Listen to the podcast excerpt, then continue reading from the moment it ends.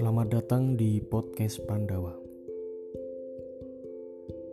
Dalam podcast episode sebelumnya, sudah dijelaskan panjang lebar oleh Mas Rendra mengenai radio pustoko. Di episode ini akan kita bahas tiga pertanyaan dari mahasiswa sastra daerah, yaitu yang pertama dari Mas Adi Wisnu Rutomo, sastra daerah 2016, yang kedua dari Mas Jumirin, sastra daerah 2018, dan yang ketiga dari Mas Pras, sastra daerah 2017. Untuk lebih lengkapnya, monggo Mas Adi dipun wiwiti.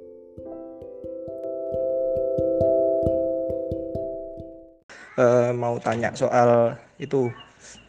Jadi pada awalnya itu sejak kapan ahli waris dari Wiryo Diningrat itu merasa mempunyai radio pustaka? Padahal kan sudah dijelaskan kalau di koran tadi kan infonya bahwa tanah itu kan miliknya keraton ya atau sinuwun.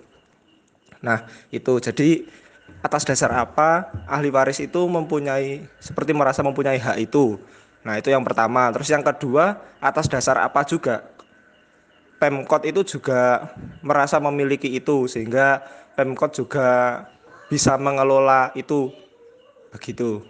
Dan kemudian saya dengar-dengar kok dari pembahasan tentang polemik itu ini polemik itu polemik ini kan tidak melibatkan BPCB ya di mana bahwa museum itu sendiri kan sudah masuk dari punyanya BPCB Jateng terkait dengan cagar budaya. Jadi itu Mas Bos Rendra. Iya Mas Adi, nah, terima kasih. Ini pertanyaannya angel ya, pertanyaannya wis pada level lanjut begitu. Nah, sebenarnya poin pertama atas dasar apa kok kok ahli waris merasa memiliki ya, merasa memiliki itu. Yang jelas itu uh, salah satu bukti ya salah satu bukti itu memang keterangan dari beberapa buku ya buku yang diterbitkan oleh Diningrat nah, begitu bagaimana? Ada beberapa bangunan yang memang itu dikehendaki dikehendaki sendiri oleh ahli waris gitu ya. Tetapi terlepas dari itu semua memang tidak bisa kita pungkiri juga bahwa semua kerajaan ya, semua eh, terutama keraton di Mentaraman ya Catur Sagotro itu itu akan raja tidak akan melakukan pembelian. Ya, intinya seperti itu. Semua pembelian raja akan diwakilkan oleh atau setidaknya akan di atas namakan patih ya, entah patih Jawi atau patih Lebet. Jadi semua urusan birokrasi semua perdata pidana nanti akan diurus oleh patih karena raja ini dianggap sebagai patron ya simbol yang suci memang. Jadi memang poinnya adalah uh, ada salah salah tafsir antara uh, kedua belah pihak Nah, poin yang kedua, kenapa kota Surakarta itu dia kok merasa berhak atas tanah kebun rojo? Karena memang dari zaman dulu ya sampai dengan pelimpahan era kemerdekaan itu semua aset publik itu akhirnya dikembalikan kepada tanah negara gitu ya. Digunakan untuk publik ruang-ruang publik ya digunakan untuk publik. Bangunan-bangunan Belanda kan diambil negara misalkan bangunan-bangunan Belanda yang ada di stasiun di pengadilan di kota dan dan lain-lain itu akan menjadi uh, milik negara ya. Jadi memang itu klaim dari pemerintah kota Surakarta. Karena memang sejak era 45 sebenarnya keraton tidak punya tidak punya kekuatan ya terutama setelah berakhirnya masa daerah istimewa Surakarta ya dulu kita tahu bahwa Surakarta pernah menjadi DIS dan DIS berakhir ya karena konstelasi politik yang tidak memihak pada waktu itu dan akhirnya uh, tanah-tanah Keraton Surakarta itu akhirnya menjadi uh, milik negara. Ya, ada beberapa yang milik negara. Itu juga terkait dengan banyak hal ya, banyak masalah. Tidak hanya keraton secara global, tetapi juga ada urusan personal ya di dalam keraton begitu.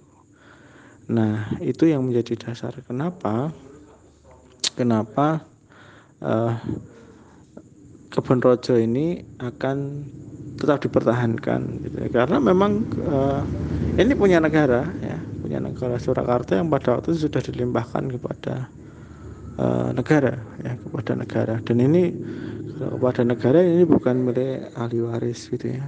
Nah itu yang perlu menjadi ditetapkan tetapi memang ahli waris merasa dia memiliki hak karena karena segala macam bentuk pembelian dan lain-lain itu atas nama Kanjeng Patih ya atas nama Diningrat nah itu yang perlu kita pahami Assalamualaikum warahmatullahi wabarakatuh. Eh badhe taken Mas. Eh ngeten. Ya Mas Adi mau. Perkara kuwi aku tak takon. Mbah iki mbah apik mbah ora ya? Saka ngono kuwi ah? Sak-sake daripada orang sing takon ya to. Nganu Mas. Radio kan iki tak tak tonton iki temlane kawat pitung puluh kuwi nganti saiki ahli waris menang ae. Nah, apa meneh saiki nganu apa jenenge uh, jenenge apa kuwi lho meh digusur kon ngetokke ngono. Nah umpama ya to. umpama kuwi kedaden terus kene iki sebagai mahasiswa iki kon ngopo coba nak gerakan masang foto wae niki kadosi kirang sae Mas. Soalé niku lak ya gerakan suatu gerakan nak mboten disadari napa niku? Aku duweni radio kuwi mboten mlampah. Contoh wae niki nggih mboten mlampah-mlampah ya to. Sapa sing meh duweni radio? Ngoten niku lak ya angel. Nah, umpamane wau niku kedaden ya to, kudah, kedah sawur Sri Wedari iki dadi gusul. Niku mahasiswa niku kados pripun, Mas? Kedah pripun? Wah, ngoten niku mawon. Pun matur suwun. Wassalamualaikum warahmatullahi wabarakatuh. Eh, angel iki, Dik Septian matur nuwun pitakonanipun. Nah, janjane nganu Dik Septian. Usaha konsolidasi ini sudah dilakukan dari level kota sampai di level negara memang ya cuma yang jadi masalah itu memang butuh legasi hukum ya. Tapi walaupun ahli waris menang ya ahli waris menang itu menang atas tanah ya, menang atas tanah Sriwedari. Ya dia tidak berhak atas radio pustoko ya jelas itu. Nah jadi poin pentingnya itu. Jadi sampai hari ini pun ahli waris tidak belum ya belum bisa me, memiliki Sriwedari secara utuh ya. Belum ada pengembangan dan lain-lain nah saya pikir mahasiswa bisa me, mengadakan banyak hal banyak kegiatan sebenarnya gigi ngurip-nguripi jadi uh, kegiatan yang di mana itu bisa menumbuhkan ya, menumbuhkan wacana bagi masyarakat di Surakarta bahwa i radio itu penting gitu. radio itu uh, banyak hal yang yang penting dari radio untuk diselamatkan sebagai aset. Nah, segala macam jalur sudah kita tempuh dan memang itu nanti resiko terburuknya memang pemindahan, ya, pemindahan koleksi. Itu resiko terburuknya ya. Semoga tidak begitu.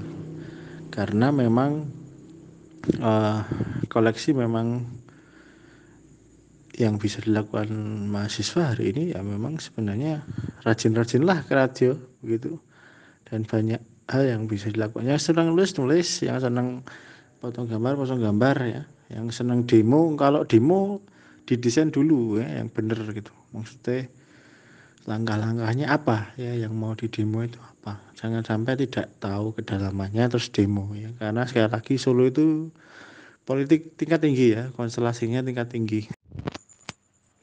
Uh, ya, perkenalkan saya Pras dari Sastra Jawa 2017. Eh, saya di sini mungkin eh, pertanyaannya nggak jeru banget kayak Mas Adi atau Septian Sumiren ya. Tapi di sini saya eh, ada yang eh, apa ya membuat saya itu jadi mikir keras gitu loh. Eh, dulu ketika saya kecil pernah diajak dolan sama bapak saya ke Radio Pustoko sekitar tahun 2004 2005 lah setelah gempa itu. Saya kelas 2 SD itu janjian jumpa dengan Romo Sur. Jadi Romo Sur itu Romo Suryanto Sastroatmojo. Ya, beliau seorang sastrawan, seorang budayawan, tapi eh, menurut saya kalau disebut sejarawan entah tepat atau tidak. Nah, jadi sedikit tentang Romo Sur ini, beliau dulu ketika semasa hidupnya eh, mengurus di harian Bernas di rubrik Bogor Kencono kalau nggak salah ya Mas Rendra. Nah, jadi di sini saya selalu diwoleng sama bapak saya itu kalau di Solo dolan-dolan ke museum, dolan-dolan ke perpustakaan. Mbok menawa nemu buku-buku karyanya Romo Sur. Nah, ya tapi saya belum menemukan bukunya di perpus atau mana, tapi tahu judul-judulnya lah. Nah, eh, yang saya ingin tanyakan adalah eh, terkait dengan polemik ini, bagaimana sih peran-peran eh, sesepuh-sesepuh yang bisa dikatakan seperti Romo Sur, eh, yang pastinya tentunya tahu betul tentang eh, Radio Pustoko karena beliau itu sering berkunjung ke Radio Pustoko, bahkan ya cukup disegani juga kalau dari eh, sejauh yang saya tahu. Nah, jadi mungkin lebih ke itu sih, bagaimana tanggapan para sepuh eh, di Solo sendiri itu seperti apa menanggapi polemik Radio Pustoko. Seperti itu. Mas Pras, eh, bagus sekali ini tanggapannya. Sebenarnya nganu nggih, saya cuma ngaturi periksa dulu ya. Kalau ini benar Raden Panji Aryo Suryanto Suryatmojo, ya beliau sudah sedo ya tahun 2007. Kalau ini benar Pak Suryanto Suryatmojo yang sering banyak nulis itu ya beliau sudah kondur ya sudah kondur tahun 2007 ya mugi swarga langgeng nah poin kedua memang hari ini pelaku terkait ya apalagi yang menyaksikan perpindahan keraton ya dari masa eh, Raden Pustoko di era kemerdekaan. Bagaimana konstelasi ahli waris bagaimana keraton berpihak dan lain-lain itu memang semakin sedikit ya. Sampai hari ini memang kita ya teman-teman yang di Radio Pustoko ada Pak Toto, ada Mbak Nia, ada beberapa teman-teman yang di belakang, ada ada orang-orang yang sering membantu dari luar, misalkan ya sebenarnya kita juga masih uh, berusaha untuk menemukan ya arsip-arsip terkait ya karena pengadilan itu memang lawannya harus arsip terkait ya. lisan itu akan menjadi uh, second opinion, ya, second option untuk uh, dalam kekuatan hukum gitu. Sebenarnya sesepuh-sesepuh juga banyak bergerak ya, dari banyak hal lah gitu. Mesti dari cara yang paling rasional sampai cara yang paling tidak rasional gitu ya, mistis dan lain-lain, mengadakan ruatan, mengadakan uh, doa bersama misalkan. Terus juga semua teman-teman yang terkait dengan Radio Pustoko pada waktu itu juga uh, ikut ikut ya semua yang ada di lini-lini masing-masing. Yang ada di kementerian yang ada di Jarah Nitra yang ada di dinas itu sama-sama bahu membahu untuk menyelamatkan Radio Pustoko kalaupun option terburuknya memang suatu hari harus diambil ahli waris memang Radio Pustoko ini harus tetap utuh gitu ya. Itu yang menjadi poin penting. Tapi semua semua senior ya sesepuh sesepuh memang uh, sudah banyak ya bergerak ya banyak banyak hal lah ya mai yang memberikan cerita yang memberikan kesaksian dalam proses pengadilan itu. Ada banyak hal ya yang memang ya sedang digodok bersama ya diproses bersama bersama.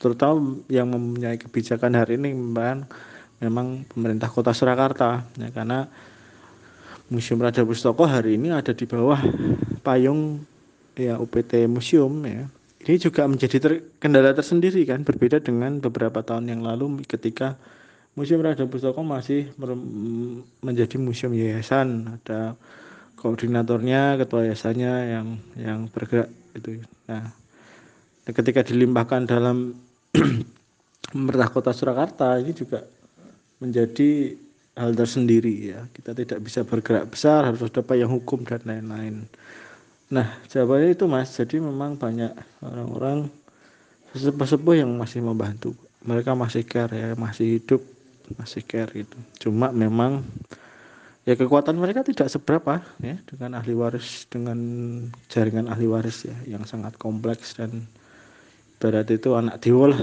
Gitu. jadi dia punya mempersiapkan segala macam aksesibilitas dan lain-lain. Nah itu sebenarnya justru yang menarik adalah arsip-arsip ini ya. Arsip-arsip ini untuk menguatkan bahwa fungsi Sirwadari dan Ahli Pustoko itu bukan milik ahli waris ya. Ini milik bersama itu milik negara. Itu itu yang memang sekarang sedang dikaji beberapa naskah terkait itu sedang ditelaah ulang ya. Nah itu yang sebenarnya kita bisa bangun bersama-sama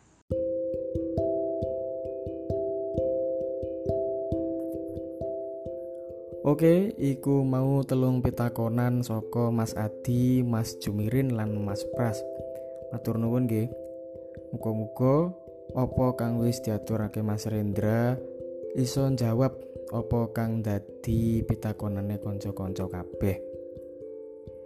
Iki sakjane ana pitakonan liyane ning ya ora bakal dibahas nek episode iki.